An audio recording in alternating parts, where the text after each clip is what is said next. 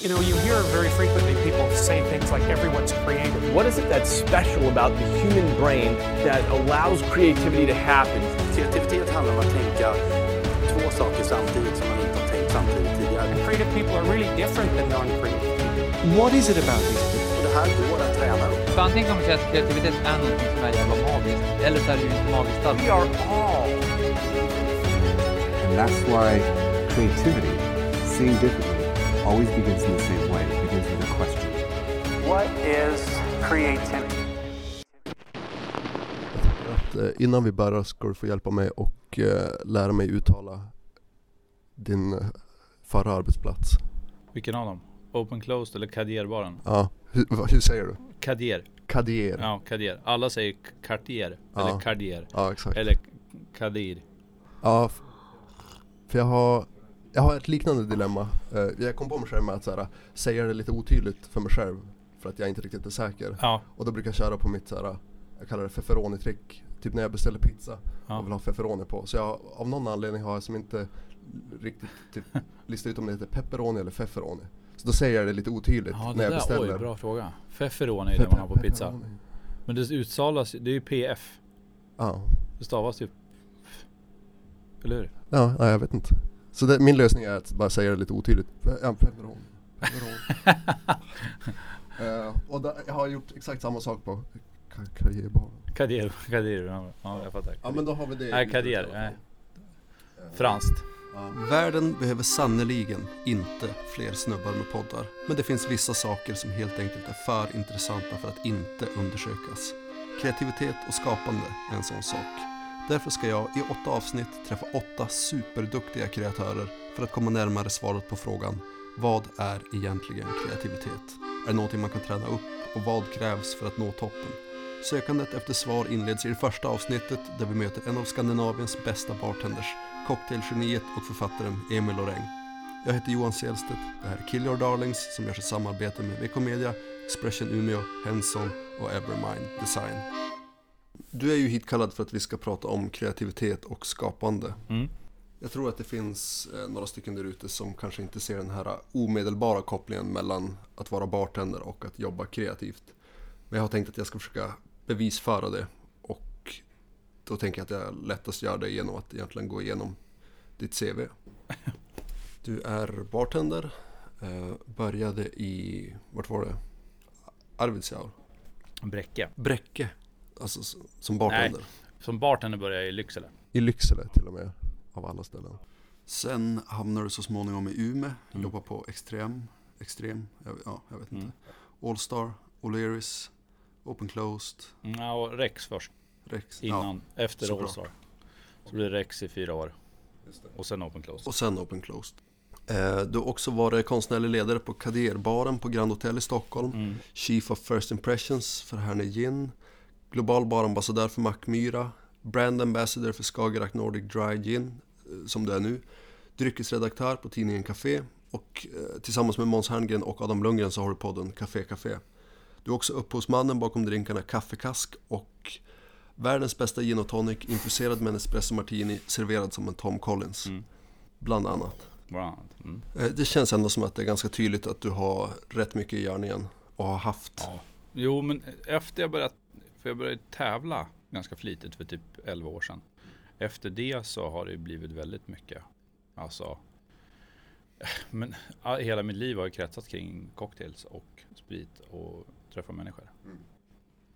Så det har ju blivit abrupt slut i pandemitider. Eh, Men, men just skapandet har nog inte tagit slut tror jag. Ja, just det. Eh, Jag tänker utöver allt det som jag redan nämnde, är det någon som också har sagt åt dig att du kanske har Sveriges mest poddvänliga röst? Oj, oj det, det tycker inte jag själv Nej. alls. Jag tycker Måns har det. Han är väldigt så här Beppe Wolgers möten. Ja, ja, kanske lite. Ja, men jag vet inte, någonting. Det är som så här, lika kul. delar sarkasm, lugn, expertis. Jag tror att det förmodligen skulle kunna övertyga mig om att börja gilla hockey. Och det skulle vara riktigt sjukt. Ja. Och det är sjukt att du inte gillar hockey. Men det, Ja, då är jag från Skellefteå också. Ja, då förstår jag att du inte gillar hockey.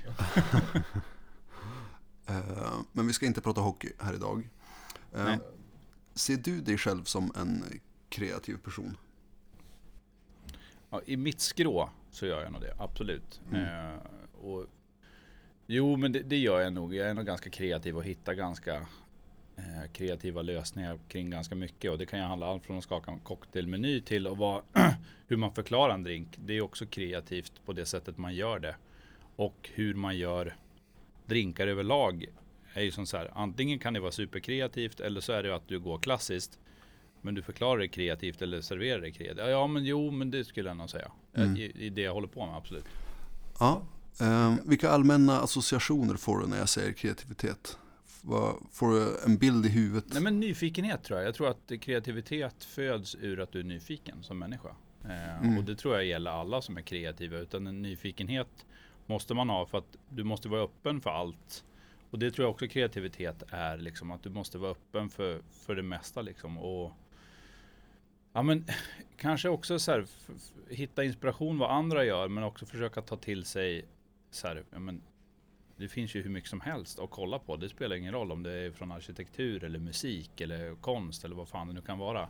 Det finns ju något kreativt i allt. Eh, I skogen och naturen också liksom. Mm. De har, hittar också kreativa lösningar för att fortsätta. Mänskligheten hittar nya sätt för att bli kreativa. Allting jag tror att hela jorden är kreativ eh, och hur det skapades är också ett väldigt kreativt sätt att skapa. Så att det, det låter väldigt flummigt och det låter som att Thomas Di Leva ja, sitter här. Men, men jag tror att det är så, liksom, att kreativitet är, är tror jag, upphovet till mänskligheten. Mm.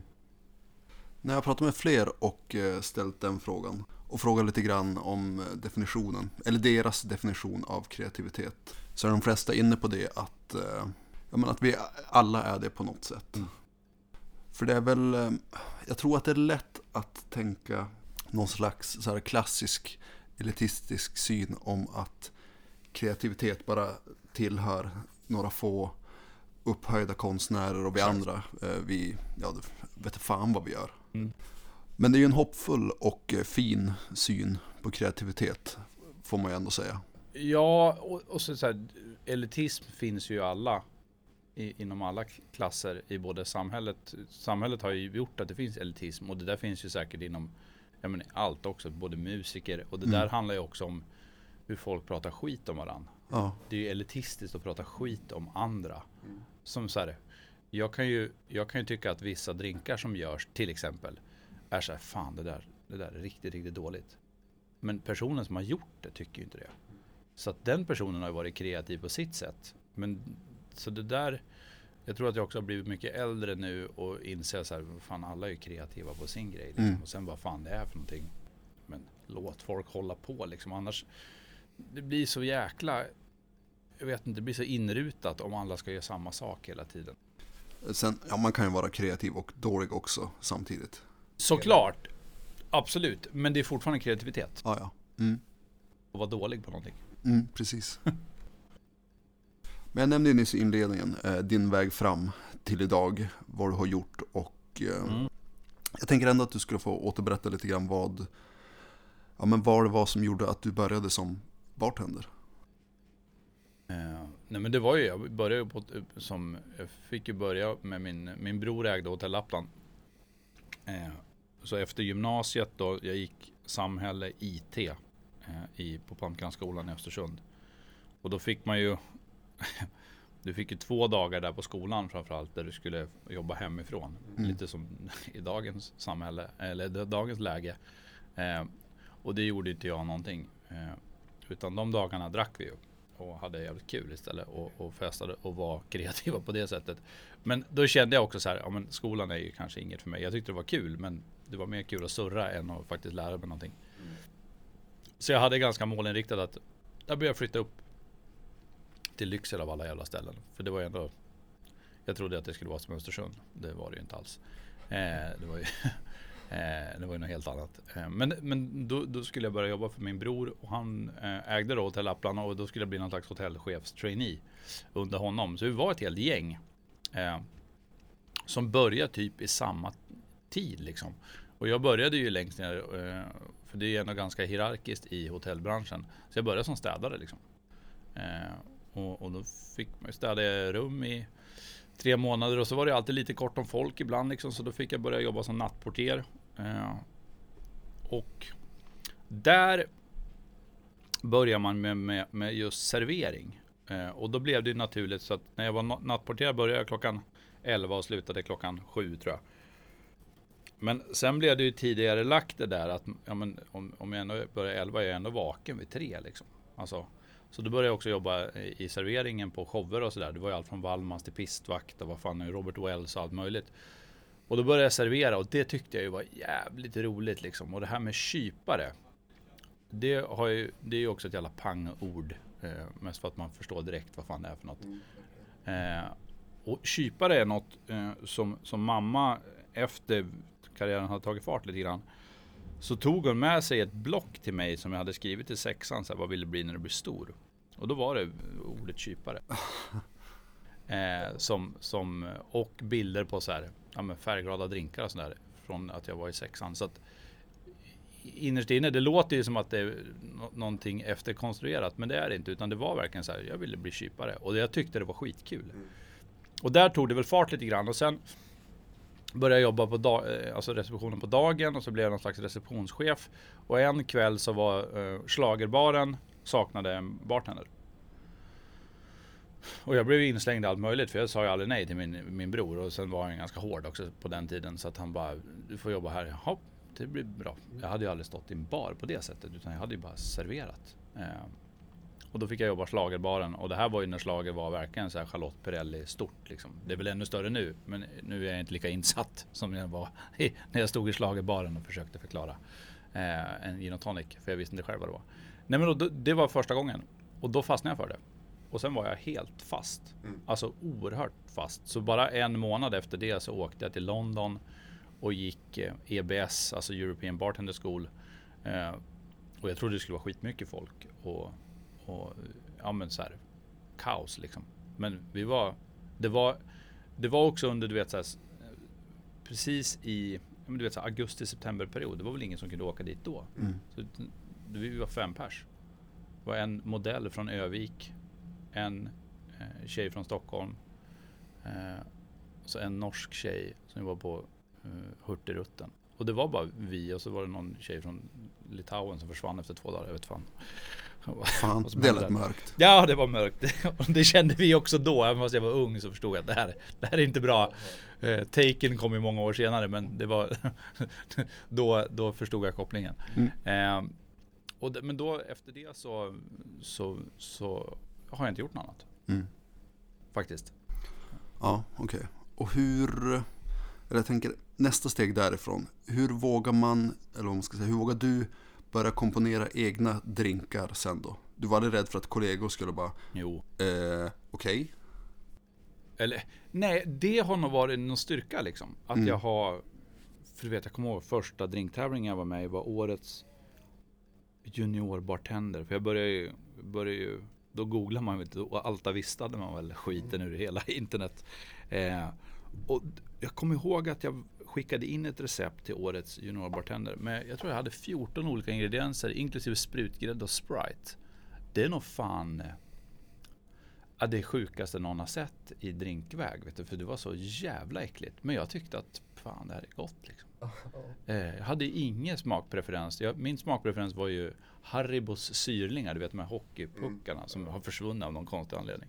Eh, det var ju typ det jag tyckte var godast i världen eh, när jag var 19 år. mm. och det är klart det ska ner i en drink då. Ja, alltihop. Och färgerna också. Och det var så jävla, du vet nu när, jag skulle inte kunna, skulle jag få den nu på riktigt så skulle jag ju spy.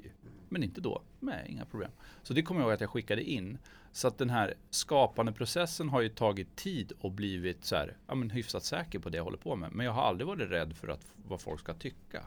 Och det har nog varit också grejen hur, hur jag är som person. Liksom, jag skiter väl i det. Och det har jag alltid. Jag vet inte vart jag har fått. Men jag tror farsan är ju en jävla karaktär liksom. Eh, och har väl, ja, vi har väl glidit ifrån varandra genom åren. Men, men hans sätt att vara och den här skita i attityden har jag nog fått ganska mycket från han. Liksom, och bara så här, vad fan spelar det för roll?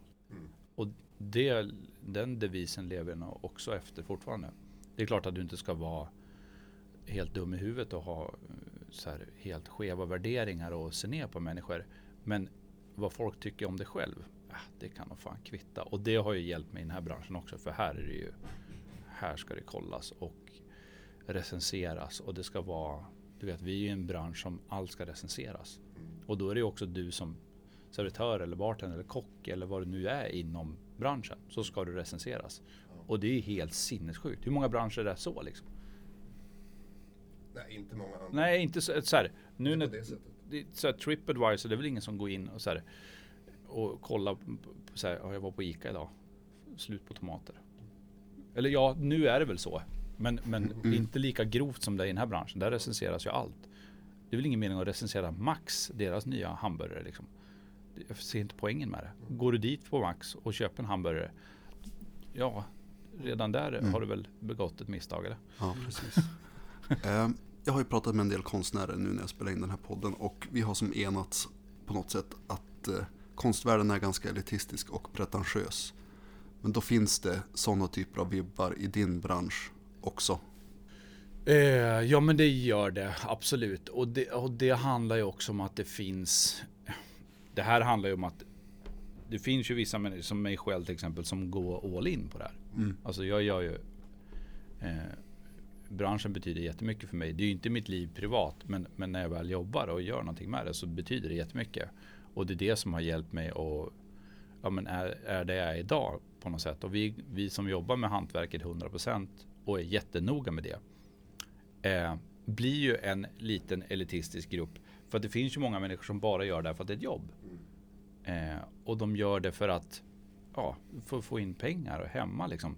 Men de är också så här, de skiter ju i vad det är för produkter de jobbar med. Hur de egentligen jobbar med service och kanske inte tänker så mycket på det. Så att det är klart att det blir en, en, en segregering inom yrket. Men det handlar ju bara om att vissa skiter i och vissa gör inte det. Och det tror jag också är inom så här Konstnärer vet jag inte riktigt hur det är där. Där är det väl elitistiskt hur man ska göra saker. Eh, Jag har ju många kompisar som, som jobbar inom den grejen. Och de är ju som så här. Vissa, jag tror att det finns så många olika grupperingar inom konsten också. Eh, och det, det, jag har ingen aning vad det handlar om. Det känns ju inte omöjligt att det är en generationsfråga också. Ja. Att man som äldre är lite rädd för det okända. Jag tror också att äldre inom den här branschen är rädd för det. Verkligen. Det är bara att kolla. När började karriärbaren liksom? Alla slutade ju. Va? Är det så? Det var ju två kvar. Alltså av nio. När, när, när jag kom in. Jag och Christian. Men vad, som någon slags protest? Jag vet inte. Det var väl... Det var nog en blandning liksom att de såg någon chans att sluta. Men samtidigt så visste de ju så här. De vill väl inte stå och blanda Västerbottensåsdrinkar kanske. Utan de vill väl göra, göra sin grej liksom. Men, men då, så här, om jag kollar tillbaka på deras menyer så var det som så här. Ja det här var ju coolt för 20 år sedan. Liksom. För de var ändå så här att de skulle göra nya drinkar. Men du vet så mudla chili. Alltså, får vi mycket chi- bra chili till Sverige eller? Ja, precis. Och varenda chili skulle muddlas. Bara, det är klart att drinken smakar olika varje gång. Och då sa jag det ganska öppet. Jag bara, vem fan, vem fan muddlar chili 2018? Ni är dum i huvudet. Och det var väl kanske inte en så bra öppning. Men det var väl typ det första jag sa också. Eh, Ja, och då kände de att det var någon slags nystart på gång. Så. Ja, det gjorde de och där kände jag mig elitistisk på något sätt. Även fast de troligtvis såg ner på mig. Liksom. Eh, för att de är ju en annan, en äldre skola liksom som, som är lite mer klassisk skolad och kanske inte skakar med en hand eh, och kanske inte svär när de pratar med gäster eller är så, ja de är de niar nog mer folk än vad, än vad jag nå- någonsin har gjort. Jag tror jag aldrig har gjort det. Men det beror ju, jag tänker också att det beror lite grann på vad man läser in i ordet elitistisk. Jag tänker ju kanske främst, eller inte främst, men klassförakt eh, och liknande. Och då vet jag ju också att om du nu är elitistisk så är du ju inte elitistisk på det sättet. Utan då kanske det mer handlar om att göra saker ordentligt, göra Ja, saker rätt. precis. Ja, det kanske, ja, och det kanske inte är elitistiskt. Eh, utan det kanske bara handlar om professionalism. Jo, ja precis. Eh, skulle du säga att det är ett måste att vara kreativ i din bransch? Om du ska komma någon vart ja. Ja, det tror jag. Ja, verkligen. Jo, men det tror jag. Du, så här, jo, du, nu kan du lära dig smaker och hitta sådana grejer. Men, men för att uppnå nya grejer och hur du kan skapa en ny drinklista som ska sticka ut och vara jävligt kaxig. Eller hur du tar service och tar den nivån så måste du vara ganska kreativ. Det tror jag. Verkligen. Det, ja. Om du ska bli bäst så måste du vara superkreativ. Mm. vi ska hoppa vidare till något helt annat. Jag har en fråga som jag tror är mer intressant för mig att ställa än för dig att svara på. För jag misstänker att du har fått den eh, flera gånger tidigare. Men jag är nyfiken på hur stor del av din vakna tid som du tänker på alkohol? Oj. Eh, men det tror jag inte jag har fått så många gånger. Eh, nej men inte så mycket som man, inte så mycket nu tror jag. Eh, men det här handlar nog också om att jag har vuxit upp ganska mycket och jag dricker ju aldrig en cocktail hemma liksom. Gör inte det? Utan det, nej verkligen inte. Däremot har jag ju väldigt mycket sprit hemma. Eh, men det är ju inte så att jag kommer hem. Drömmen för mig är ju ha ett stort jävla hus, komma hem och ta en whisky och sätta mig i soffan. Mm. Och ta det lugnt. Och läsa en bok typ.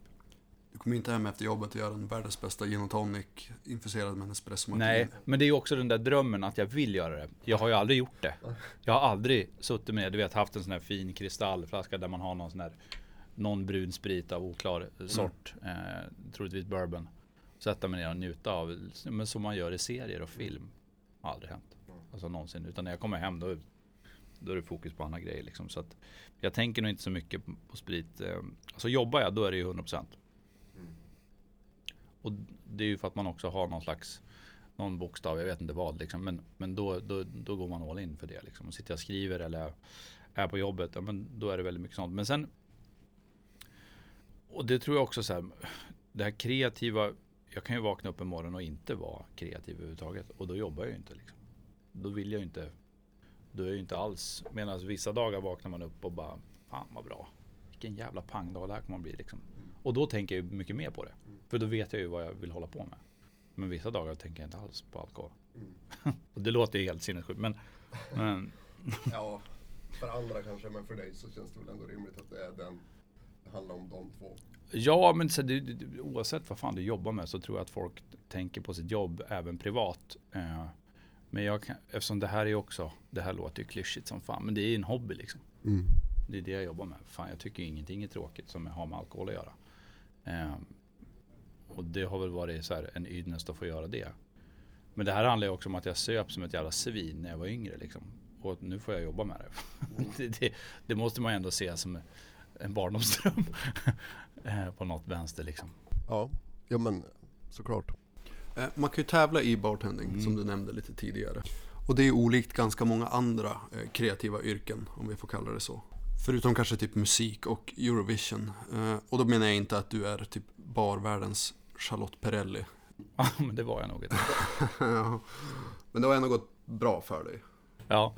Hur är det att tävla i någonting som i alla fall utifrån känns som att det handlar mest om vem som har bäst fantasi och smak? Mm. Ehm, eller är det mer än så? Ja, men lite mer är det ju. Det är ju... Alltså, i det stora hela så är det ju ja. Om man kollar på det utifrån, absolut. Men sen handlar det ju också om så här, balans, smaker. Vad, vad, är det som, vad är det som får folk bara så här. Är blandningen dijon, svartpeppar, gin den bästa blandningen? Nej, men är det den som kommer få mest uppmärksamhet? Ja, kanske. Ehm, är det, kommer alla gilla den här? Nej. Men de här tre domarna, ja, har man lite koll på dem så kanske de kan digga det här lite mer än den här personen som står bredvid som har gjort en mango och habanero drink liksom. Som alla redan har gjort någon gång. Men man får veta i förväg vilka som är domare.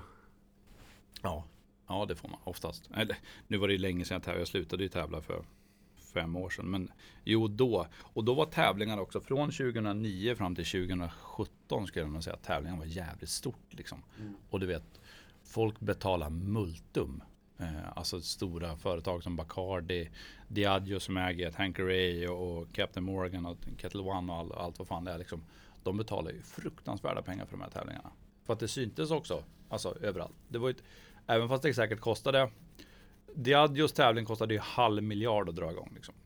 Men rent marknadsföringsmässigt så var det nog ganska billigt. För att varenda land var ju med liksom, och tävlade. Och i slutet av dagen, vad var vi? 60 000 bartenders som blev topp 50.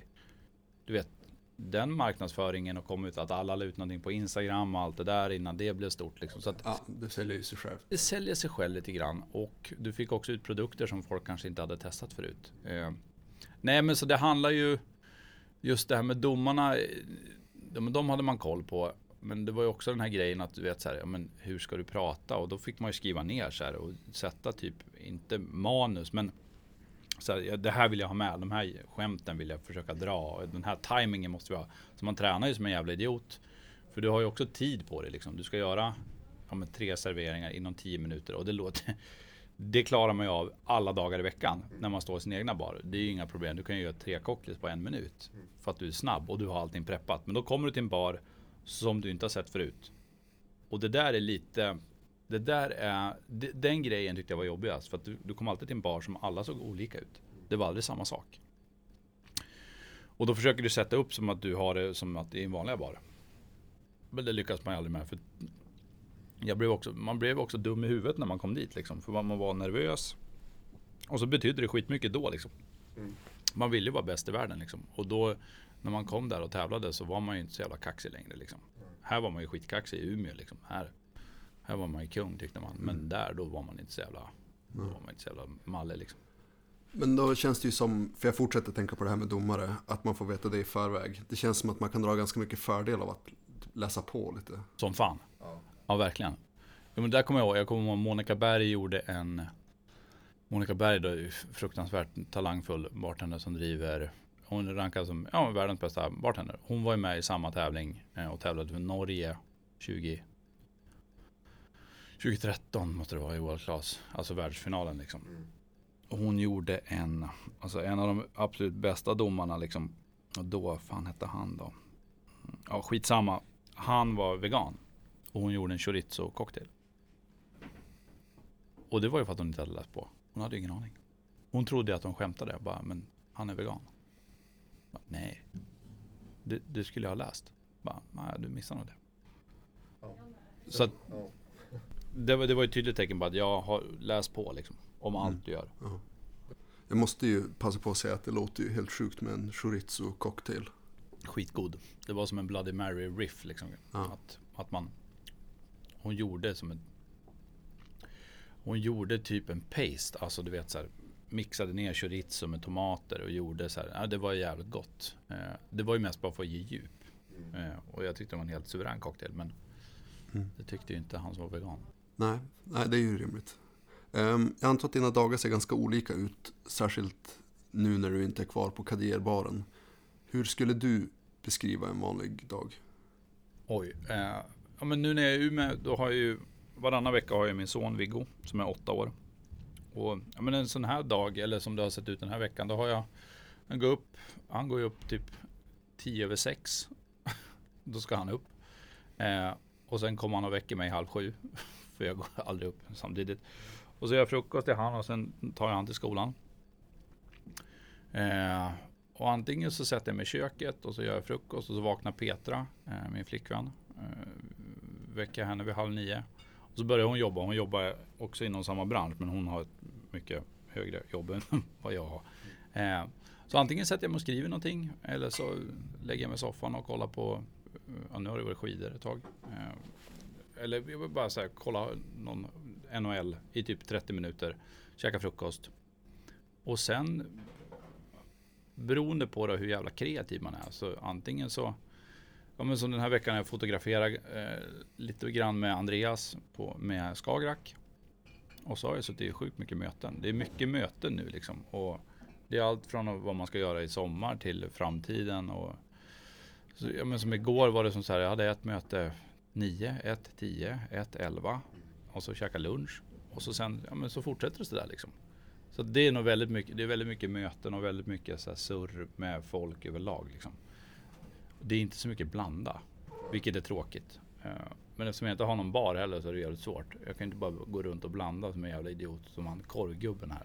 Och bara ställa mig bredvid han liksom. Eh, nej, nej, det kanske man inte kan. Nej, man kan inte. Men mycket nu sitta på och hitta nya recept och sådär. Så, det, nej, dagarna är helt olika. Det är ingen dag som är annan lik. Nu försökte jag bara hitta någon jävla...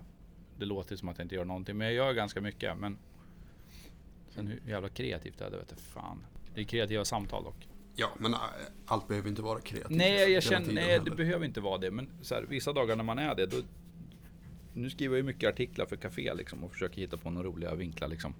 Och ibland så är jag så jävla nöjd och ibland är det så jävla dåligt och ändå publiceras det. Eh, och det är oftast de som blir bäst, som får mest visningar liksom. Eh, nej, men sen podden gör vi varje fredag. Och antingen så gör vi det på plats i Stockholm. Nu har det varit tuffare liksom eh, i och med pandemin. Och Måns är så jävla gammal.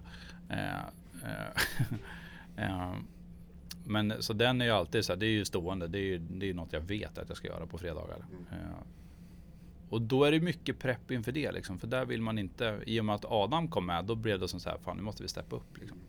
Nu, för han är, han är nyfiken. Det är ju inte så, så här, jag och Måns är ju mer som så här, men nu kör vi det här. Så surrar vi liksom. Medan Adam är så här, men ska vi inte göra så här och så här? Bara, jo, det, det, det kan vi göra. Eh, så att, nej jag tror, ja, det är väl typ det enda jag har nu på schemat. Som jag är säker på. Eh, hur jobbar du med idéer? Eller om jag tänker mer konkret drinkidéer. Mm. Har du en banken i huvudet? Eller telefonen? Telefonen. Inte screenshots i den mån man... Nej, fan aldrig screen. För jag kollar ju aldrig på vad fan alla andra gör. Det har ju aldrig varit någon grej. Utan det är mer så här ett namn. Det kan vara vilket, jag, jag kan ta upp någonting som jag skrev upp. Det kan vara mer ett namn på så här, det här är en rolig cocktail. Och sen utgår jag från det. Eh, och det kan ju vara, ibland fattar jag inte vad jag skrivit såklart. Eh, men som senast Rokoko-cocktail. Att man jobbar i rokoko-stil. Mm. Den är fin. Ja, Det kan bli något. det kan bli något. Och det, det gillar jag ju liksom, att jobba med det historiska. Eh, men det är som så här, det står hur mycket som helst. Men så här, Indiana Scones. jag vet ju inte riktigt vad, in, vad det innebär. Eh, eh, men mycket sånt där skit liksom som bara kommer, och lite så här. Jag vet inte. Ja, men jag skriver upp. Och ibland så måste jag googla vad själv vad jag menar liksom. Ja. Eh, Men, men eh, Ja, jag vet inte. Nej men det kommer upp, det kommer upp som sån här, får jag en idé så skriver jag upp det och så sen eh, en annan dag så börjar jag jobba med den idén liksom, så här rent cocktailmässigt. Men nu också, du vet när du inte skapar någon drinkmeny till en bar eh, utan håller på med, för som Skagerrak Gin till exempel, det är ju ett ganska nytt varumärke. De vill ju att jag gör cocktails som man ska kunna göra hemma. Och för tio år sedan så var ju det tvåkomponentsgrejer. Att du har en grogg liksom. Gin och tonic. Eller rom och cola. Det var ju inget mer. Eh, men, men däremot med Däremot nu så har ju folk ett ganska bra hum om hur man gör drinkar. Så att nu kan man ändå ta ut svängarna ganska mycket. Men du får inte Du får inte ta ut svängarna så mycket som att det blir ett jätteprojekt att göra en drink är ju enligt Skagerrak då. Det är ju deras, de att det måste ändå kunna gå att göra ganska fort. Jag bara, men vad är fort då liksom? Vad är det? Fan, folk kan ju stå och göra, vet, ska de ha en trerätters middag så kan de ju preppa en hel dag och göra ordning. Och jag har väl alltid varit den devisen, vad fan det kan du göra med drinkar också. Så att nu är vi lite clash över hur jobbigt det får vara, men jag tycker att det får vara ganska jobbigt. Eh, så det är ju det man, nu när man får idéer så handlar det mer om så här, ja men det här är kul att göra hemma för folk.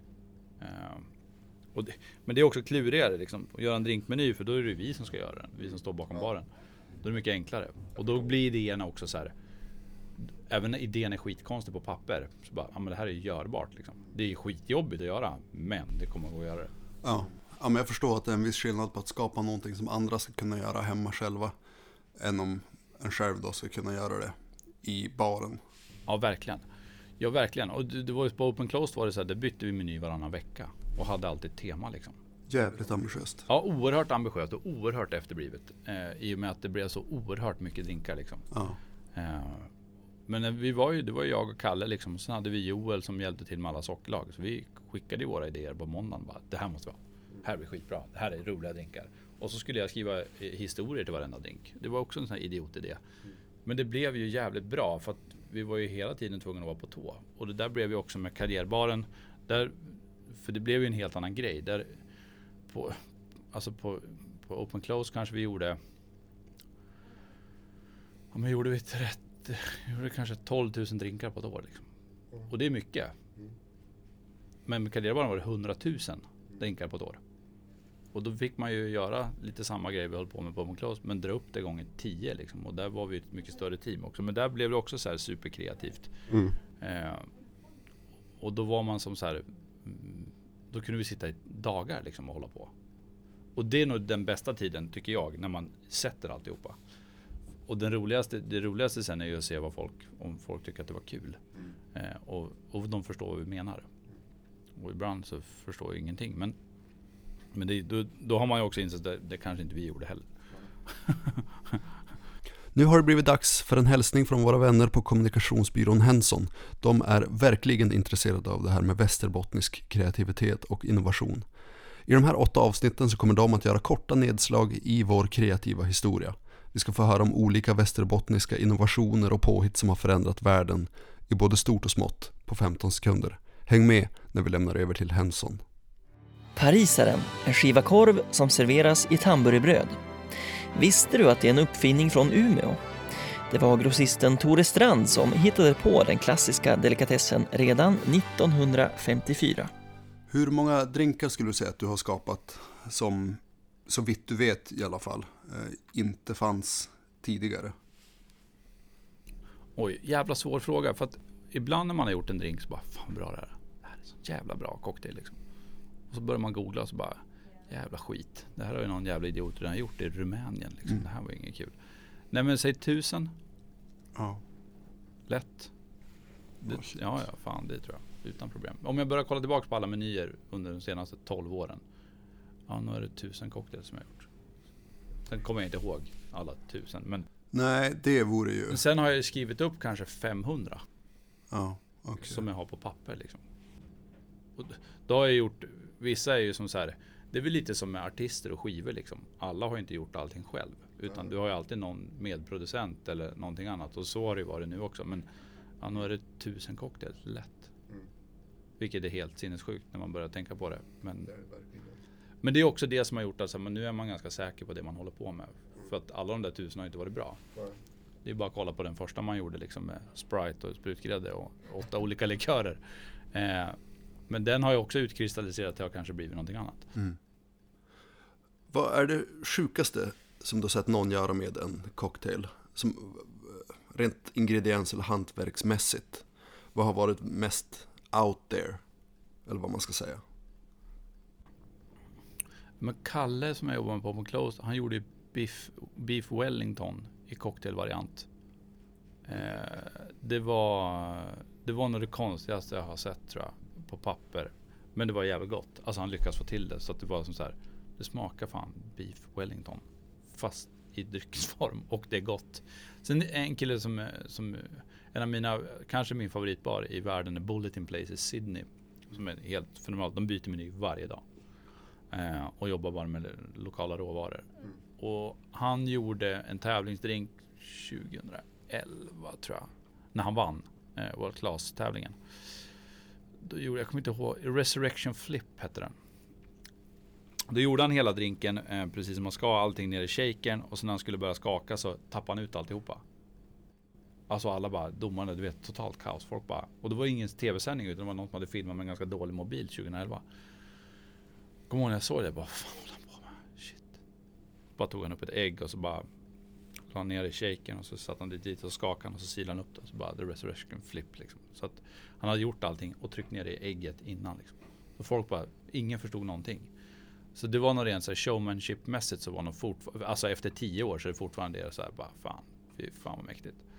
Eh, så att de två rankarna väldigt högt på den här sjuka som alla andra har gjort. Ja, jo, det förstår jag. Uh, hur växer en ny drink fram? För det, du har ju lite grann snuddat vid att det kanske börjar med en lös liten tanke eller ett namn eller något sånt där. Men vart kommer inspirationen från? Eh, har du... Det vore intressant att få ta del av som själva tankeprocessen som kanske leder fram till att en cocktail blir färdig. Vad ska vi ta för drink då? Eh, vi kan ta ja, men kask till exempel.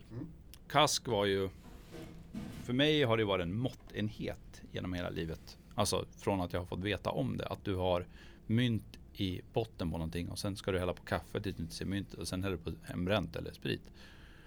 Den grejen är ju fenomenal. För det är ju inte bara, det är ju, en- för det första så är det ju en ritual. För det andra så är det en måttenhet. Och sen är det faktiskt en cocktail. Eh, I den enklaste form. och då började jag tänka så här, men hur rent historiskt då? Då började jag läsa på. Så här, ja, men, man läste om det där i Haparanda första gången i skrift någon gång 1830 någonting. Jaha, men och då började man kolla så här, men då kan vi inte haft mynt. Utan då var det ju sockergranulat istället. Ja, men då borde det vara en sötare kask till exempel. Mm. Men hur kan man göra där nu då? Eh, och då började vi kolla så här, men, eller jag började kolla det. Bara, men, vilken är upphoven till svensk sprit? Och det är ju L.O. Smith liksom. Och L.O. Smith började ju med, han gjorde absolut renat liksom. Som sedermera blev absolut vodka. Eh, ja, men då borde han också ha haft druckit kask någon gång. Liksom. Eh, ja, men då blev det absolut som grund för det här. För det är ändå så här urfaden på något sätt till svensk sprit. Och även till hembränning gissar jag. Liksom. Och hur får man in kaffe här utan att använda kaffe? Utan du vill ha en kall drink. Eh, för att det här myntet då som vi la i botten, det var ju på L.O. Smith. Liksom. Och det blev ju också USPen sen när man väl hade serverat, berättat hela historien. Inte lika ingående som det här kanske, men att du kollade ner så såg du myntet och då var kasken klar att dricka. Eh, så det var ju också tvungen att vara med med Ella Smith för att då blev det så jävla självklart liksom. Eh, och sen började man tänka så här, men kaffet måste man få in på något sätt. Ja, men, och L.O. Smith han hittade ganska mycket inspiration. Han var mycket i Frankrike tydligen och hängde mycket där. Och sen blev ju de uppköpta absolut för ja, men 20 år sedan nu med Pernod Ricard. Och de har en produkt som heter Byr som är ett gammalt sätt, och gammal gammalt digestif liksom. Men om vi lägger ner kaffebönor från Kostas då. Kostas är ändå gudfadern till kaffet här i Umeå. Så lägger vi ner 70 gram och så testar vi hur det blir. Vi testade olika så här, mm, mått och då fick man fram så här kaffetonen bara efter ett dygn. Och bara de två tillsammans blir spritigt som fan. Så att, och man blev så här riktigt jävla lönnfull. Och jag bara, ah, vi måste ju få in det där sockret på något sätt. Så då blev det lönnsirap. Mm. Eh, och sen rörde man det och sen var det klart. Eh, och sen gäller det bara att hitta men en kaffekopp, en stor isbit. Och sen var det som så här. Det är ett enkelt sätt att förklara det. Men det är ofta så det går till. Att det, jag läser på mycket rent historiskt. Så finns det någonting att ta av där? Finns det någonting så här, i smakerna som är intressanta? Eh, finns flera drinkar, så här, Hyperion XX var ju en hyllning till världens snabbaste häst. Som också så här idiotgrejer, bara, men han var champion den, sju gånger om. Ja men champion, vad låter det? Ja men det är champinjon. Eh, det blir ett skum på champinjon. Och sen så här, ja men hur låter det när hästar, ja men det, det hovar, ja men det låter som när man slår ihop ekollon liksom. Mm. Ja, då blir det en ekollon sockerlag. Och så, och så där håller man ju på liksom och bara hitta roliga historiska vinklar som fortfarande har med drinken att göra. Eh, och Fjällvinden till exempel var en sån där drink som jag ville bara hylla Anja Persson och Ingmar Stenmark. Och då tog vi, tog vi tre grejer från Västerbotten helt enkelt. Vad är de tre bästa grejerna? Ja, VB-ost, hjortron och Brännans isider. Mm. Då var drinken redan klar. Men vi serverade i en, i en backe. Så vi hade fryst whiskyglaset. Så att det blev hälften. Så när man drack det blev det kallare och kallare precis som att du åker ner för en slalombacke. Otroligt. Ja men och mycket sånt där liksom. Och, och då blir man ju så här, man går igång på att hitta nya, eh, nya idéer som, som folk också kommer att förstå, som är enkelt att förklara. Mm. Alla förstod den där slalombacken. Alla förstod myntet. Eh, så att alla förstod det här med hästjäveln, även för att det var en helt idiotisk historia. Men namnet Hyperion XX på en drink, fan det är tunga grejer. Mm, det glömmer man Nej, inte. man glömmer inte det. Och M90 var också en sån här drink där vi så här, vi ville göra så att det såg ut som ett M90 kamouflagemönster. Liksom. Så oavsett vilken sida du drack ifrån så smakade det olika. Det var gran på ena sidan, det var kakao på ena, det var eh, torkade hjortron på ena. Men det såg ut som M90 mönstret. Och så när du kom ner så fanns det mycket andra smaker. Mm. Ehm, och ja, det finns oerhört mycket historier som man... Och jag har aldrig skrivit ner historierna utan jag har bara skrivit ner drinkarna. Men skulle vi lä börja läsa nu och gå igenom alla drinkar, men fram framförallt Open Close där det verkligen föddes den idén liksom. Och även lite på Rex. Så kommer man ihåg eh, sjukt mycket när man väl ser det. Mm. Så den, den dagen man slutar liksom, då ska jag ju släppa någon bok med alla jävla idiotgrejer och då, då går ju allt att göra igen. Mm. Men det, det är länge dit. Känns ja, det hoppas vi på. Hur blir man en bättre bartender? Säg att man i dagsläget kanske jobbar på ja, men ett av de här ställena som är mer traditionellt eh, att man startar på. Säg att man står på O'Learys mm. i baren till exempel. Vilket jag också har gjort. Ja. Uh, jag ska vara lite public service nu och säga att man, man kan jobba på andra ställen också. Men säg att man jobbar där och att man kanske är lite less på att stå och göra Red Bull vodka. Mm. Vad är nästa steg därifrån? Men jag tror, och Larrys är också sådär utmärkt. För det man lär sig där det är att ta hand om folk. Liksom. Mm. Eh, oavsett om det är en barnfamilj eller en ensam, en ensam person som sitter i baren eller ett skitjobbigt gäng eh, som, som är dumma i huvudet eller världens partygäng. Alltså så här, alla samlas ju på sådana ställen. Det spelar ingen roll vilket samhällsklass du tillhör eller någonting sånt. Eller vart, så här, på, det är lite som en bastu där. Alla samlas där. Sen vad du gör där. Du, antingen så är du intresserad av sport eller du får bli full eller spela bowling eller något sånt där. Så att, Ragga på någon. Ja, alltså det är ett sånt där utmärkt ex- exempel att alla samlas på en sportbar för de, många är intresserade av sport. Inte alla men, men många. Så där tror jag man för det första ska börja ta till sig också så här, vad är det jag lär mig när jag är här liksom? Ja, jag gör vodka Red Bull så jag hänger, serverar bärs och skitdåligt vin. Eh, men vad är det jag gör där liksom? Och det är ju att lära dig service.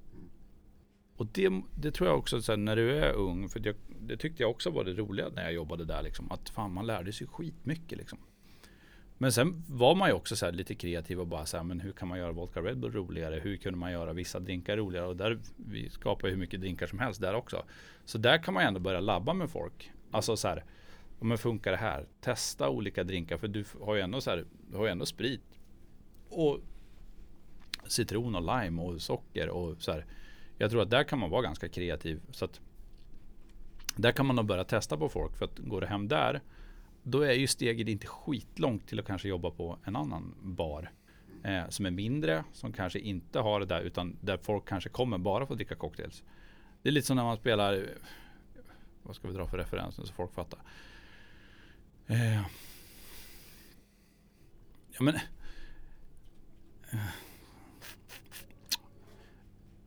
Ja, jag hittar ingen bra referens i huvudet just nu. Nej, men på, på Lever får du göra allt möjligt. Där får du göra allt från ölvin. Men börjar du jobba på en cocktailbar då får du testa skarpt hela tiden. Och då får man en, oftast, det som är bra med cocktails är att du får en direkt reaktion. Och, och det behöver inte vara så amerikanskt. För amerikaner är bäst på att berätta direkt.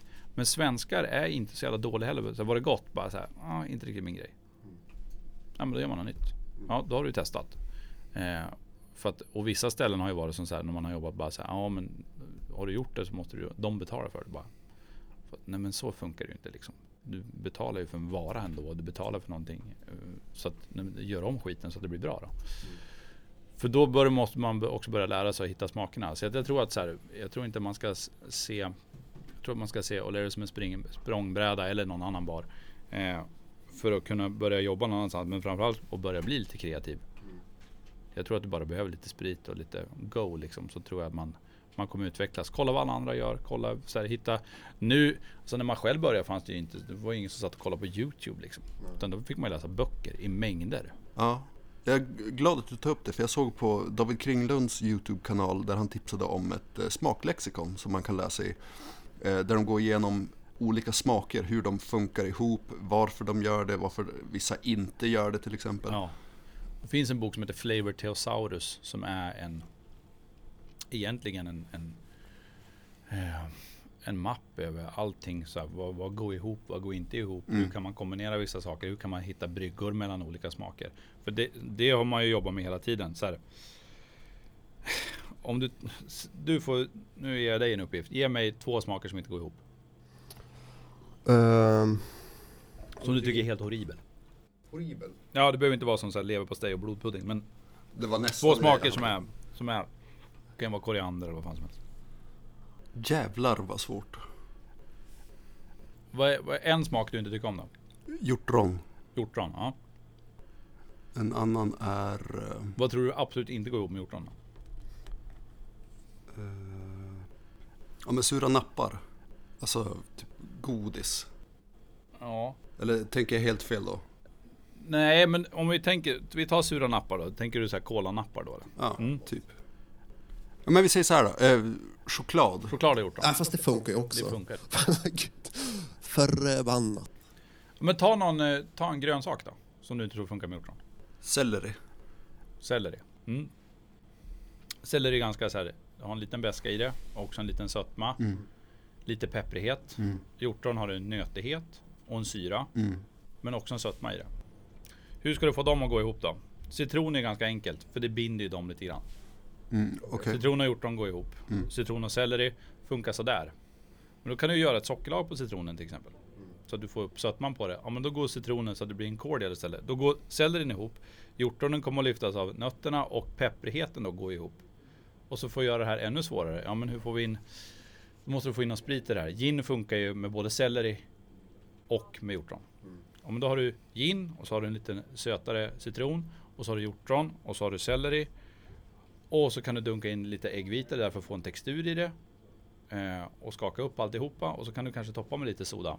Om du har en ganska läskande lemonad som smakar lite selleri, hjortron men framförallt är det ginen som är chefen i det. Mm. Och då funkar det. Då funkar det. Så att allting går blandat. Det gäller bara att hitta bryggan mellan. Okej. Och jag förstår att ibland kan bryggan vara väldigt, väldigt lång och ibland kan den vara väldigt, väldigt... Ibland är den jätte, jättelång och jätteluddig och kanske flera olika broar bara för att binda ihop smaker. Men Det är själva principen i alla fall som man måste ja, jobba. det är lite det och framförallt också att här, jobba enkelt liksom. Du behöver inte stå så här och så här. Ja, men jag vill göra en drink med koriander, chili, choklad. Bara så här, fan, gör inte det då. Mm. För det blir som så här, ja det kanske är kul att blanda, testa det en gång. Men sen kommer du inse att ja, men det kanske är roligare att bara blanda choklad och koriander. Eller vad fan det nu kan vara. Eh, så att jag tror att enkelheten är det viktiga i cocktails. Och det är precis som med matlagning. Liksom. Du får du in en tallrik med 48 olika smaker. Inte fan kommer du att känna 48 smaker. Du kommer att känna tre. Då är det roligare att jobba med tre smaker och höja dem på ett roligt sätt istället. Mm. Jag har en till också. Eh, räkor och eh, choklad. Eller ska vi säga cola? Räkor och cola. Intressant. Ehm, Ja, hur skulle man kunna få ihop det? räkor är ju gott i en ceviche, eller hur? Mm. Det får man säga. Ja.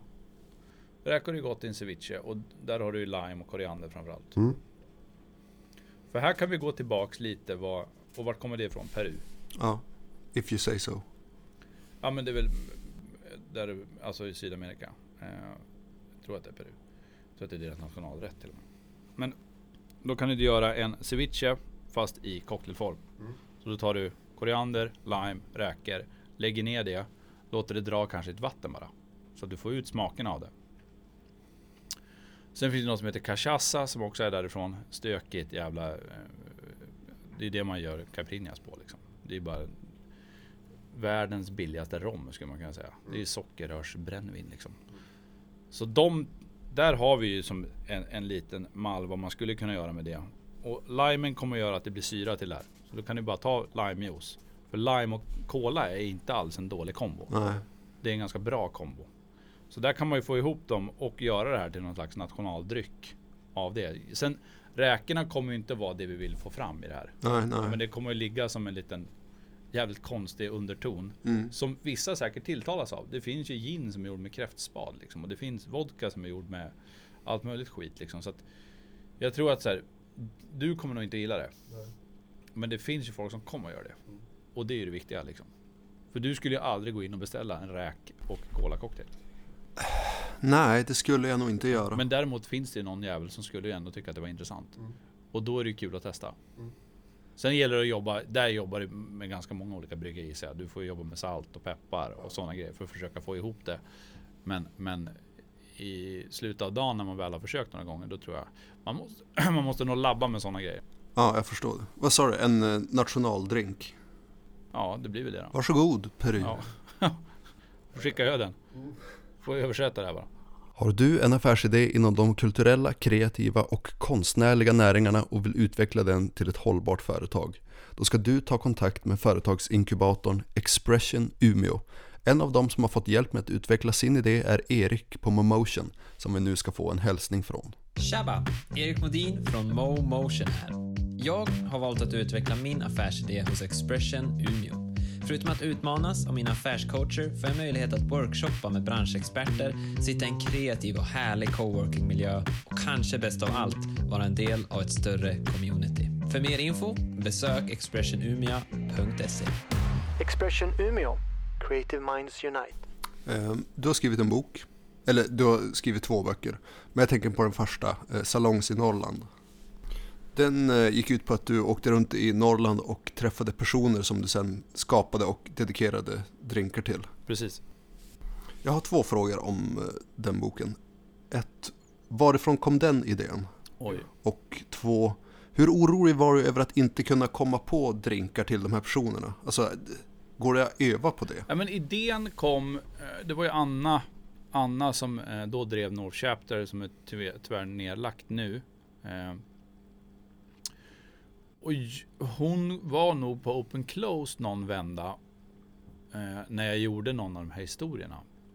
Och så började vi prata bara så här helt apropå ingenting. Jag tror att jag skulle göra någon så här release, sen göra någon drink för någon, någon som hade släppt sin bok för första gången och sådär. Då började vi prata och så här, vad skulle du vilja göra? Och då kom jag på idén bara, eh, tillsammans med henne liksom. Men det vore väl jävligt kul att åka runt i Norrland. För det ville jag göra också på något sätt.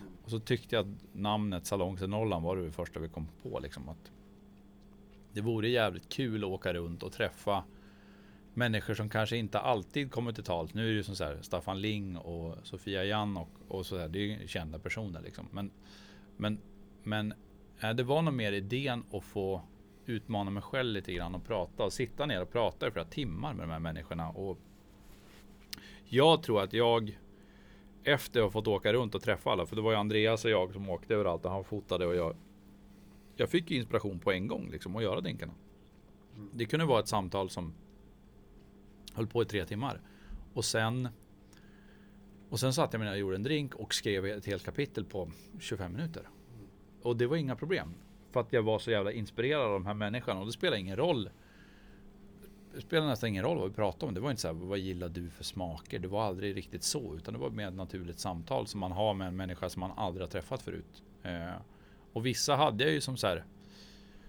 Så här, vissa grejer var ju svårare att tolka så här E4 bron i Sundsvall liksom. Vad fan är det för något? Men folk var ju bittra över det. Det var enkelt att få in Campari och du vet så här, sådana där grejer. Eh, och hoppet är ute i Övik liksom och försöka förklara hoppbacken. Vilken jävla idiotidé med backhoppning. Det måste vara det dyraste bygget i världen när det är 20 stycken utövare. Eh, och så kostar det för miljoner att bygga. Eh, men lite som så här skidtunneln där jag kommer ifrån i Gällö liksom. Det är ju ingen som knappt har åkt den där skidtunneln. Den kostar Bräcke kommun hur många miljoner som helst. Men det är ju en bra marknadsföringsgrej. Men eh, så att idén föddes ju av att jag var jävligt ärolysten att få åka runt och träffa folk liksom. Eh, och göra det. Ja, det tog ett år liksom att fara runt. Eh, och det hade vi varit så här nu i efterhand hade vi varit effektivt hade vi kunnat gjort på tre veckor. Men det var vi inte utan vi hade ju båda andra jobb liksom så att vi for när vi hade tid. Eh, och nej, men det är nog det roligaste projektet jag har gjort Alltså för egen del tror jag. Eh, som inte handlar om att öppna en bar eller, eller start, skapa menyer. Eh, och jag lärde mig nog jävligt mycket under den tiden också att prata med folk liksom, och fick som ett annat perspektiv. Liksom. Prata med, sitta och prata med Kent Andersson uppe i ensamheten. Liksom. Ja, men, för där har du en lycklig människa men på ett helt annat sätt än vad jag är lycklig. Och det var nog jävligt viktigt att få uppleva det liksom, och sitta och prata med ja, men som, för om vi går till fråga två då och hitta smaker där var inte så svårt med Kent Andersson. Liksom. Han drack ju gin för att han ville tillbaka till sommaren på vintern. För att gin smakar som det är på sommaren. Man bara, ja, geni liksom. Fan, du har ju fattat det här. Medan Doris Berglund i Övra, som var Sveriges första kvinnliga skogshuggare och hade bott själv hela sitt liv och tyckte inte om någonting mer eller mindre. Varken i smaken eller någonting. Hon tyckte om att vara i skogen, punkt liksom. Men så jag bara, men är det något bär du tycker gott? Bara, Hallon är väl helt okej. Ja. Bara, men vad äter du när du har varit i skogen? Ja, sidfläsk. Mm. Va- varje dag? Ja, det är billigt med sidfläsk. Ja, men vart handlar du då? Ja, jag har haft grisar och du vet så här, men bara så här, man fick, ma- man fick så här, fan stoppa ner en köttfärs för att försöka få fram grejer. Och så här, har du rest? Ja, jag var, jag var till Sundsvall en gång. Inte var det något att se. Man bara, nej det har du i och för sig rätt i. Eh, men, men det blir också så här, då var det ju svårt att hitta någonting. Men det blev ju till slut bacon och hallon. I alkoholfritt, för hon hade aldrig druckit sprit. Hon Mm. hade aldrig varit med en man. Mm. Skulle inte ens tänka sig det. Nej. Superkristen. Och, men så här, helt tvärtom en annan. Som har fått se i alla fall halva världen och gjort allt möjligt. Så hon är tvärtom. Hon har inte rört sig ur fläcken. Mm. Och på något sätt så uppskattar jag ju en sån människa mer än typ att följa en influencer liksom. Mm. Och hon sa ju inte mycket. Men under de fyra timmar vi var där så var det ändå så här. Ah, livet handlar ju inte så mycket om, så här, men som en annan också, man är ju en jävla narcissist liksom. Men sådana gånger så blir man ju sån så här, ah, fan. Man skulle ju vilja göra som Doris och bara flytta ut i skogen och bo i en stuga och hugga ved och hålla käften. Mm. Och äta sidfläsk. Ja, och hallon. Ehm, jag vet att bra drinkar, eller åtminstone bra drinkupplevelser, handlar ganska mycket om storytelling. Och då känns det ju som att det där var en bra modell för en drinkbok. Mm.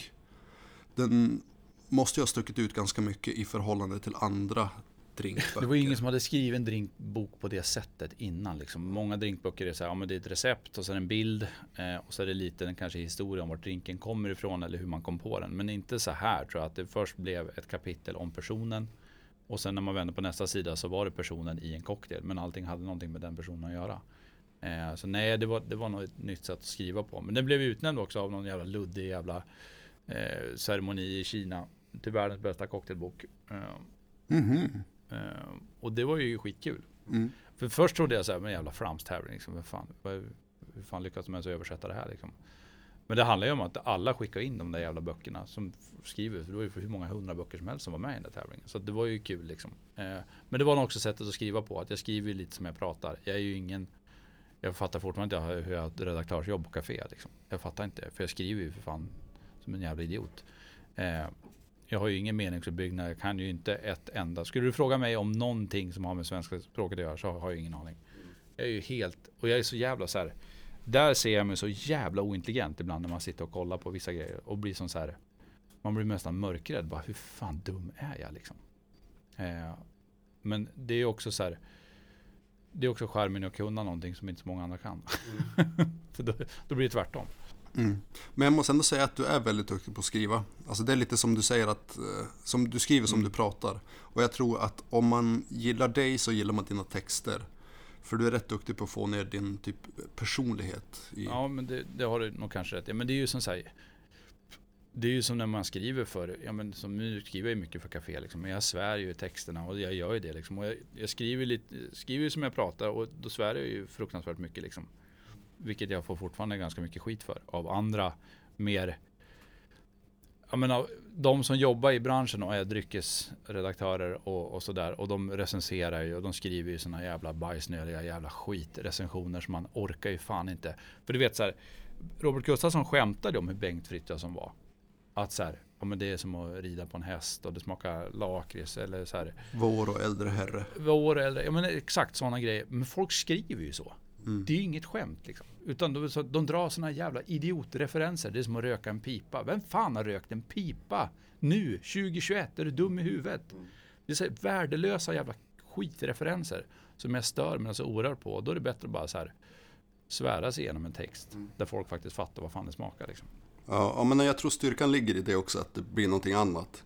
Det blir väldigt uppfriskande som läsare tror jag. Så kan jag själv känna. Ja, men det får man väl hoppas. För det är många gånger som du vet, Café får mail liksom, till redaktionen och bara så här, ni måste ta bort den här jävla idioten liksom. För han skriver ju inte, han, han är jättedålig på att skriva.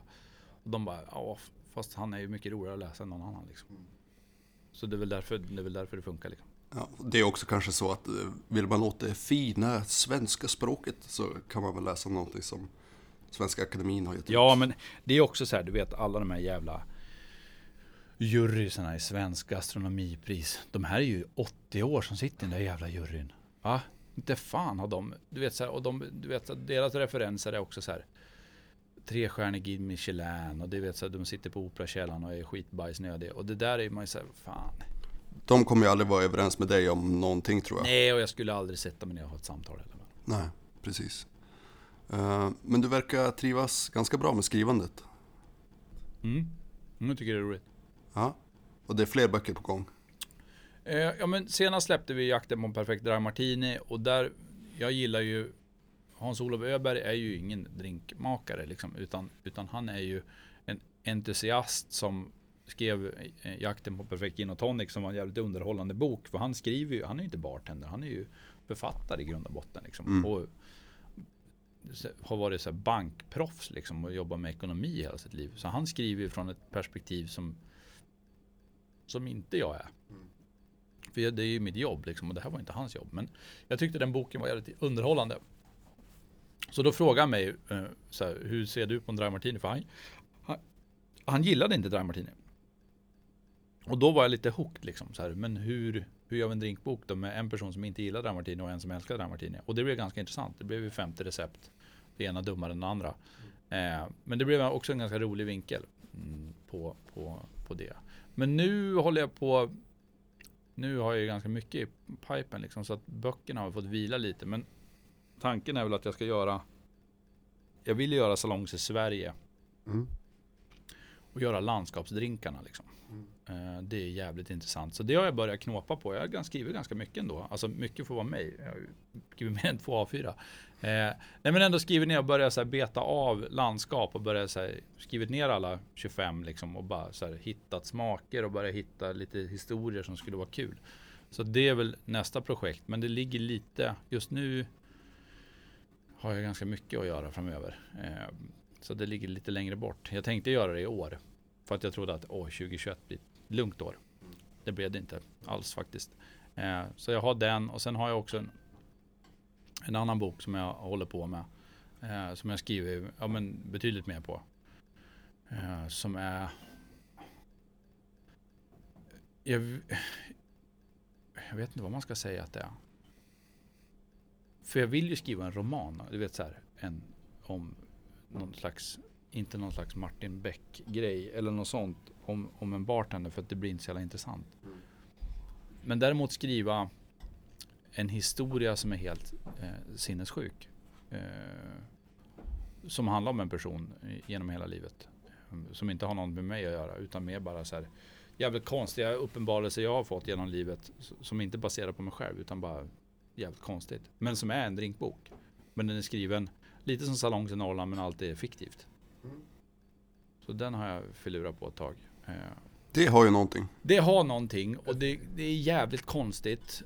Men bara jag hittar, för det finns ju ändå förläggare som vill göra saker med mig fortfarande, vilket är helt sinnessjukt. Men, men och där, eh, när jag skickar in den, när jag känner att den är klar, då, den, den kan nog gå bra liksom. Alltså för de få som köper, men för Salongs i Norrland blev ju, den är ju slutsåld liksom. Men vi släppte också bara sju böcker. Nej, Nej men den, den går ju inte att få tag i, men nu ska vi släppa den i digital form, så det blir kul. Mm, så Det kan- fram emot. Jag Ja. efter den där. Ja, det är många som har det. Jag får säkert ett mail om dagen. Eh, och det låter kanske inte så mycket, men det är mycket för mig. Eh, att folk ändå så här frågar eh, hur jag får tag i den. Och nu kan jag glädja alla att den kommer i digital form. Ja, fan vad kul. Ja, så det känns, det känns jävligt roligt. Men, eh, men det är någonting som du skulle vilja lägga mer tid på att skriva. Så här är det, nu vill jag ju för det första starta upp eh, min egna bar. Eh, inom, en, inom, in, inom det här året i alla fall. Eh, det kan jag inte säga så mycket mer om. Eh, för inte allting är klart. Men när jag väl har det och känner att jag som så här, ja, men Det rullar på. det rullar på och jag behöver kanske inte tänka så mycket på att jag måste jobba hela tiden för att få in pengar. Eh, då, då ska jag ta mig ett år, break liksom fullständigt och bara skriva. Den där, jag ska skriva klart den där jävla fiktiva skiten. Och sen om den blir publicerad eller inte, det, det, det spelar någon mindre roll egentligen. Eh, det är nog mer grejen att få göra det liksom. Och få ur sig. Få ur sig det där Ja. liksom. Och också, jag tror också att ur det, alltså så skulle jag nog bli ännu mer kreativ tror jag. Och hitta ännu mer grejer. Och för det var det med Salongs i Norrland. När jag skrev den så var jag ju, då var jag nog bäst liksom. Och då blev jag också utnämnd till både bäst i Sverige och i Skandinavien. Och det var ju tack vare boken att jag satte mig och skrev och bara gjorde saker. Så jag tror för min egen del så måste jag börja göra det. Mm. För att utvecklas mer än vad jag är nu. För just nu känner jag också att jag har stagnerat lite grann. Liksom. Och det är ju för att jag inte har, har inte någon större utmaning än. Mm. Men snart. Ja. ja, men det låter jävligt bra. Mm. De flesta, vad ska man säga, kreatörer, konstnärer, musiker, egentligen allt möjligt. ehm, De blir i regel kända och ihågkomna för ett verk. Oasis har Wonderwall, Europe har Final Countdown. Mm. Så Magnum Opus grejen. Ja. Och eh, jag vet att du vill säga världens bästa gin och tonic infuserad med en espresso martini. Eh, serverad som en Tom Collins. Alternativt kaffekask. Ja. Men om jag vägrar gå med på det, Ja. vilken cocktail som du har gjort tror du har fått mest genomslag?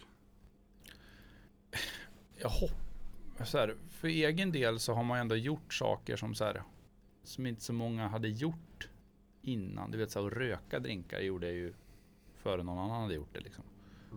Och jag säger inte att det var bra. Jag säger bara att jag var först. Eh, så, men, ja, men jag hoppas väl att jag jag tror inte att jag kommer att bli ihågkommen för så många drinkar liksom, utan det var nog mer sättet att jobba på. Det vill jag nog bli här, när jag väl går bort på något jävligt makabert sätt, hoppas man ju. Eh, jag vill ju inte bara ligga i en säng och dö liksom. Jag vill ju hellre bli skjuten på en bak- gata i Brasilien liksom. Ja, men det, ja. Det är ett mer kreativt sätt att dö på än att bara ligga i en säng och ruttna bort. Men, eh, nej, men jag tror nog att jag hellre vill bli ihågkommen för, för att jag lyfte svensk sprit tillsammans när den kom. Liksom att man var med i lindan på den där. Att man var med i på något sätt renässansperioden för bartenders. Och lyfte yrket till någonting annat. Och såg det också som någonting annat. Det vill jag nog bli ihågkommen för. Att man, så här, ja, man kan nog bygga ett varumärke på, på ett yrke som inte kräver så mycket högskolepoäng utan det bygger på social kompetens och lite känsla. Det, så att det är nog ingen, ja, det är ett tråkigt svar kanske att det inte finns andra drinkar men det handlar om att jag också har gjort tusen drinkar och kan inte komma på någonting just nu som skulle vara relevant. Ja, ja men det är ju rimligt. Ja. Det är jag helt med på. Eh, För länge sedan så var jag tillsammans med en frisör och hon pratade mycket om att halva jobbet egentligen bara är att lyssna. Man är lite psykolog och att genom att vara en bra lyssnare och snickesnackare så fick man fler återkommande kunder för att man knöt an. Är det samma lika att eh, när man är bartender också?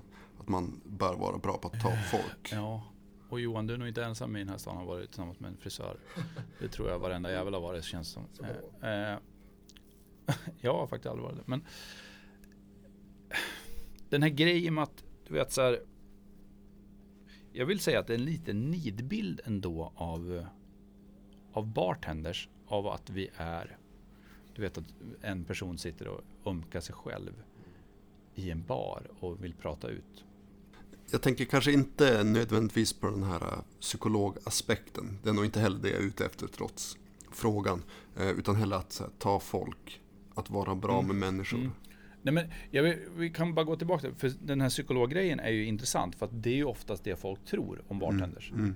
Men har du någonsin pratat med en svensk som vill prata känslor? Mm. Ja, exakt. Som du inte har träffat förut? Det händer ju inte. Och du vet, folk börjar säga att vi måste ha en social distans och hit och dit. Vad fan, vi har ju varit socialt distanserade sedan vi blev ett land. Vi har ju aldrig någonsin Eh, Det är därför allting heter Västmanland, Södermanland. Det var ju för att alla var egna länder. För att de ville inte stöta sig med någon annan.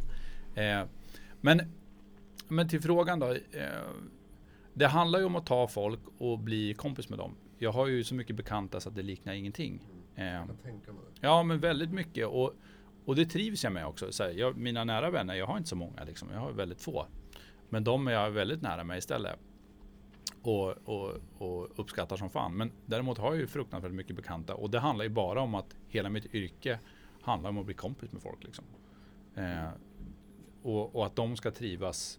Och det finns ju, så här, det finns ju ganska många så här, antingen så har den här personen som är jättesugen på att prata hela tiden och alltid är peppad på det man gör. Och sen finns det också de här som kommer in och är ganska så här tillbakadragen och kanske inte så här, eh, är villiga att testa. De vill ha en gin och tonic. Men lyckas de ändå tycka att det är så här ganska intressant att sitta hos mig och komma tillbaka en andra gång. Då kan man ju börja göra andra grejer. Och då börjar ju det här intresset även för dem att komma. Men vi testar en annan gin den här gången. Eller vi testar Fan, ska vi inte, om det är inne på gin, ska vi inte testa att göra någonting med någon annan sprit eller någonting annat? Det handlar ju om, alltså det viktigaste där, det är ju att få folk att lita på dig. Och litar folk på dig, ja men då är du hemma. Rakt av liksom. Och det här handlar ju inte om att de ska lita på mig privat. Överhuvudtaget, det spelar ingen roll. Jag kan ju vara en jävla idiot privat. Men det handlar ju om att när du väl är i en bar så vill du lita på den som serverar dig. Eh, och, och lyckas man få det så har du väldigt mycket bekanta eh, och, och väl, ett jävla nätverk. Jag kan ju ringa vem fan som helst om jag behöver lösa någonting. Eh, för att de vet att jag har, har, kommer alltid att backa upp dem när de väl kommer till en bar. Så det här med att lita på folk tror jag, eller att folk litar på en, det, det är nog det viktigaste. Fint. Mm. Vilka förutsättningar skulle du säga att du behöver för att frodas i ditt jobb? Är det någon särskild mängd styrning, möjligheter, friheter? Eh, frihet framförallt tror jag. Frihet, frihet också, och, och också den här nyfikenheten från gäster liksom, och kollegor som man jobbar med. Att alla driver framåt för att hitta, hitta nya kreativa lösningar eller bara sätt att jobba på eller hur man ska vara. Så här, jag tror också den här peppen man får från andra man jobbar med och också se hur andra jobbar. Liksom. Det, det, tror jag är jävligt viktigt. Men sen är det också så här, nyfikenheten hos gäster som är viktig. Liksom. Att de är också peppade på det här. Då, då tror jag man lyfter ganska fort. Liksom. Och då behöver man inte så mycket annat heller runt omkring. Utan det räcker oftast med eh, en, en, bra dag på jobbet är ju, alltså när man själv jobbar på Kaderbaren, det var ju när man kom in och alla var glada. Även fast man satt i skiten och det var hur mycket som helst att göra. Men alla var glada, peppade och gäster också. Mm. Då spelar det ingen roll att någon blev missnöjd, för då kunde man ta det på ett jävligt bra sätt och lyckas vända dem också. Medan de sämsta dagarna, det var ju när man kom in och du vet, folk stod och grät liksom. Och det hände ju. Alltså, man kom och så satt det typ två pers i, i trappen och grät för att de hade haft en så jävla dålig dag. Och gäster hade skällt ut dem och varit jävligt så här osköna. Och då börjar man ju med det liksom. Även fast du kommer in med lite energi och så bara herregud. Och då gäller det att, och det var ju det jobbigaste tyckte jag. Eh, med att se folk ta Ja, men folk fick jävligt mycket skit ibland. För egentligen så här, i slutet av dagen så är inte det, det, vi håller på med inte så jävla viktigt. Alltså förstår du? Det måste man också, man måste också se, ha en distans till det man håller på med. Liksom. Jag är ju för fan bartender. Det är inte så att jag ska ta fram ett nytt vaccin eller göra någonting annat av värde. Det enda vi gör det är att få folk att bli glada. Mm. Och och lyckas man då inte göra det, då, då har man ju misslyckats fatalt. Liksom. Men vissa dagar blev det så, liksom. det gick inte. Men nu, nu för tiden så händer det inte alls för ofta. Mm. Okay. Jag, eh, jag har en spaning. Ditt tankesätt skulle jag säga påminner ganska mycket om Färvikens Magnus Nilsson. Det finns ju de här enkla, tydliga kopplingarna mm. med typ inlandet och Östersund. Men jag tänker främst på det här eh, jakten på det enkla, det ärliga, lite tillbaka till rötterna på något sätt. Försöka hitta det här djupa och komplexa med så lite som möjligt. Känner du igen dig i, i det? På ett sätt ja. Och Magnus och Färviken har ju varit en inspirationskälla. Eh, de tar ju ett steg till kanske än vad jag gjorde, eller till och med mm. tre steg. Mm. Eh, men däremot det vi ska skapa framöver och det tanken är kommer nog gå tillbaka ännu mer till rötterna. Verkligen. Eh, så att jag har nog varit där och nosat lite grann på lite som de har tagit sig an grej, grejer och enkelheten kommer fortfarande vara någonting. Men jag kommer nog gräva ännu mer på det här nu. För att alla böcker jag läser nu handlar bara om historia och dryck. Mm. Och då menar jag inte så här, ja men när börjar man göra en Eh, en old fashion. Det vet ju folk och bara säga, ja men Jerry Thomas gjorde Blue Blazers och stod och tjänade mer än presidenten. Ja, det är intressant. Men vad fan drack vi i Sverige på 1600-tal, 1700-tal? Och folk har börjat skriva böcker om det där som är jävligt intressanta liksom. Så att nu handlar nog hela det här jävla året om att gräva ner sig ännu mer i det historiska och försöka hitta en koppling till att kunna göra det modernt. Och så peppad har han inte varit på på länge om att börja göra cocktails igen. Och jobba säsong liksom, fast på riktigt. Mm. Eh, det ser jag verkligen fram emot. Ja men fan vad kul. Mm. Jag kan, nu har ju Färviken stängt ner tyvärr. Ja, tyvärr. Eh, men så här i efterhand så känns det ju som att Emil Loreng och Färviken är höjden av, eh, ursäkta språket, att det knullar i munnen och i plånboken. ja. Men jag, jag, är lite mer billig drift än vad Färviken är. Men det känns som en uh, match made in heaven på något sätt. Att ni skulle haft någonting med varandra mm. att göra. Men det var aldrig någonting som... Jo, jag varit där och jobbat. Ja, du har det? Mm. Vi körde, han som äger det där heter Brummer. Eh, och som ägde Färviken. Och som drev hela den gården. Eh, han ville ha de fyra bästa i Sverige. Och, och blanda drinkar på hans sons bröllop. Så vi var där i tre dagar och jobbade. Med gänget från Färviken och Magnus allihopa. Så att vi, vi gjorde drinkar. Eh, efter det så fick också den, en, den andra som var med, Hampus Thunholm, börja jobba på Färviken. Och startade den baren, Svartklubben, i Åre. Så att, eh, jo men jag har varit där eh, och jobbat och ätit. Mm. Eh, så att en liten, liten koppling finns det. Men sen, mm. jag hade aldrig kunnat flytta dit liksom. Det hade inte gått. Även fast jag är från Jämtland och uppskattar det liksom så, så, så uppskattar jag nog jag uppskattar att komma hem ibland till, till Jämtland men jag uppskattar eh, inte att bo där på heltid. Inte som jag gör i Umeå liksom. För här har jag, här har jag som min trygghet på något sätt känner jag. Och det har jag nog inte i fjällen i Åre. Okej. Ja men det var ju inte helt fel eh, ute i alla fall. Nej det var det inte. Vad är det sämsta rådet som du har fått? Oj, bra fråga. Eh, Kopplat till eh, till, till eh, yrket det, du gör. Till yrket. Den är svår för man tenderar ju att kanske glömma bort och Ja, förtränga sånt. men vi ska nog kunna hitta någon för man har ju ändå träffat ganska mycket idioter liksom genom åren som har försökt komma med massa råd. Eh, jag ska försöka hitta på något. Börja tänka tillbaka.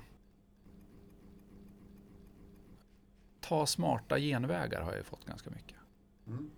Jag har aldrig fattat vad det innebär att ta smarta genvägar lite grann. Så här, jag har ju förstått så här, i, i en fotografering att man kan så här, ja men, har du ner en tomatjuice i ett glas, ja det ser ut som en Bloody Mary. Mm. Ja, det är en smart genväg.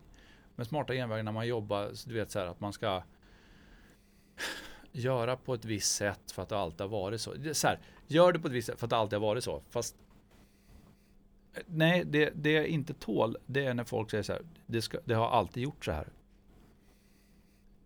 Och så ska det vara. Nej, det ska det fan inte. För kan man göra det bättre, då ska man fan göra det. Jag testade Bloody Mary som, som de startade, som de skapades på Harrys bar i Paris. Det är fan det äckligaste jag druckit. De bara, we do it like they do in 1919. Gör inte det. Det var skitäckligt.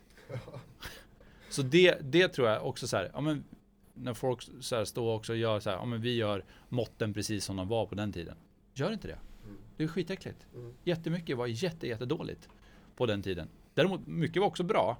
Men så här, eh, så där, ta, inga smarta genvägar kan du ju skita i. Men den här grejen att så här, gör det som det alltid har gjorts. Bara, nej, det är ett jävla skitråd. Jag förstår ju att man eh, fastnar där, för det är ju ett väldigt bra eh, säljknep. Att man knyter an till att det har Verkligen, varit på ett visst verkligen. sätt. Men det kan man göra på ett snyggt sätt. Att du så här, ja men vi tog grundingredienserna från hur det var, men sen har vi lyft de smakerna ännu mer. Det är precis så Färviken gjorde, om man ska gå tillbaka till det liksom. Det var ju inte så att de gjorde exakt så som det var. Men de gjorde ju själva vissa delar av det exakt så som det var och sen lyfte de det. Inte fan hade de fått två stjärnor i Guide Michelin om de hade gjort exakt så som vi gjorde. Det hade ju inte hänt. liksom. Då hade det bara varit inlagd sill och någon jävla böckling och alltihop. Liksom. Ja, precis. Vad är det bästa rådet som du har fått? Kopplat till jobb eller kopplat till... Du får tolka det precis som du vill. Ja. Ja, men jag ska försöka komma på något smart. Eller något smart, men något som jag verkligen så tänker på som har blivit något slags devis man lever efter. Ja, men det här med att respektera andra och sånt där, det, det, har, det har man ju förstått. Det var ju inget råd man fick, det var ju bara ett sätt man växte upp på. Eller så, jag, jag, gillar, jag gillar det här sättet, det finns alltid någon som gör det bättre än dig.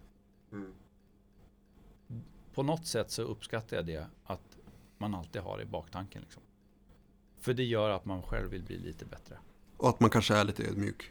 Ja, ödmjukhet är ju en dygd eh, som har sagts genom år och det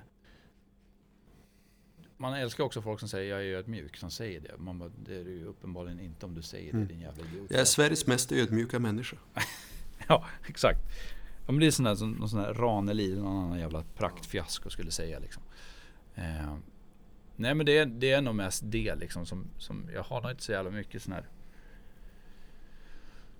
smarta citat liksom som, man gillar ju Churchill och sånt där, eh, vad han sa.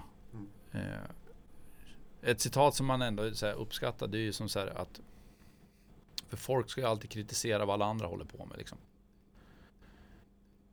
Och, och antingen så gör man det på rätt sätt eller så gör man det inte alls. Eh, och det var Churchill, eh, det var någon kärring som kom fram till han i, i, när han var dyngrak på någon bal. Och så sa hon så här, eh, Winston du är jätte, jättefull. Du borde gå hem. Och han svarade bara, och du är jätte, jätteful. Och jag kommer vara nykter imorgon.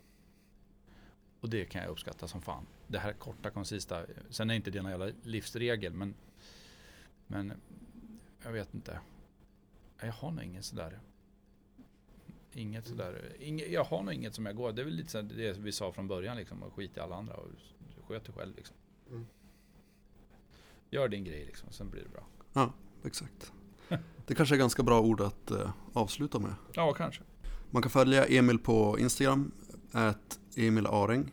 Eh, man kan säkert följa Emil på fler olagliga sätt också, men det Ja, avråder det är vi ifrån. det är. Ja, det avråder vi ifrån. Vi har en ny portkod nu också så att det är lugnt. Du, eh, tack så jättemycket för att du ville vara med. Stort tack för att jag fick vara med. Grymt. Om det gick väl bra? Det kändes bra i alla fall. Ja, det gjorde det. Jag skulle haft något smartare att säga där i slutet, men... Nej då. Det, jag gillade Churchill-citatet. Hellre full än ful. Hellre full än ful. Ehm, du har kommit ut levande på andra sidan av Kill Your Darlings första avsnitt. Denna gång med Johan Selstedt och Emil Oreng. Nästa tisdag är det dags för ett nytt avsnitt, då med en helt annan gäst.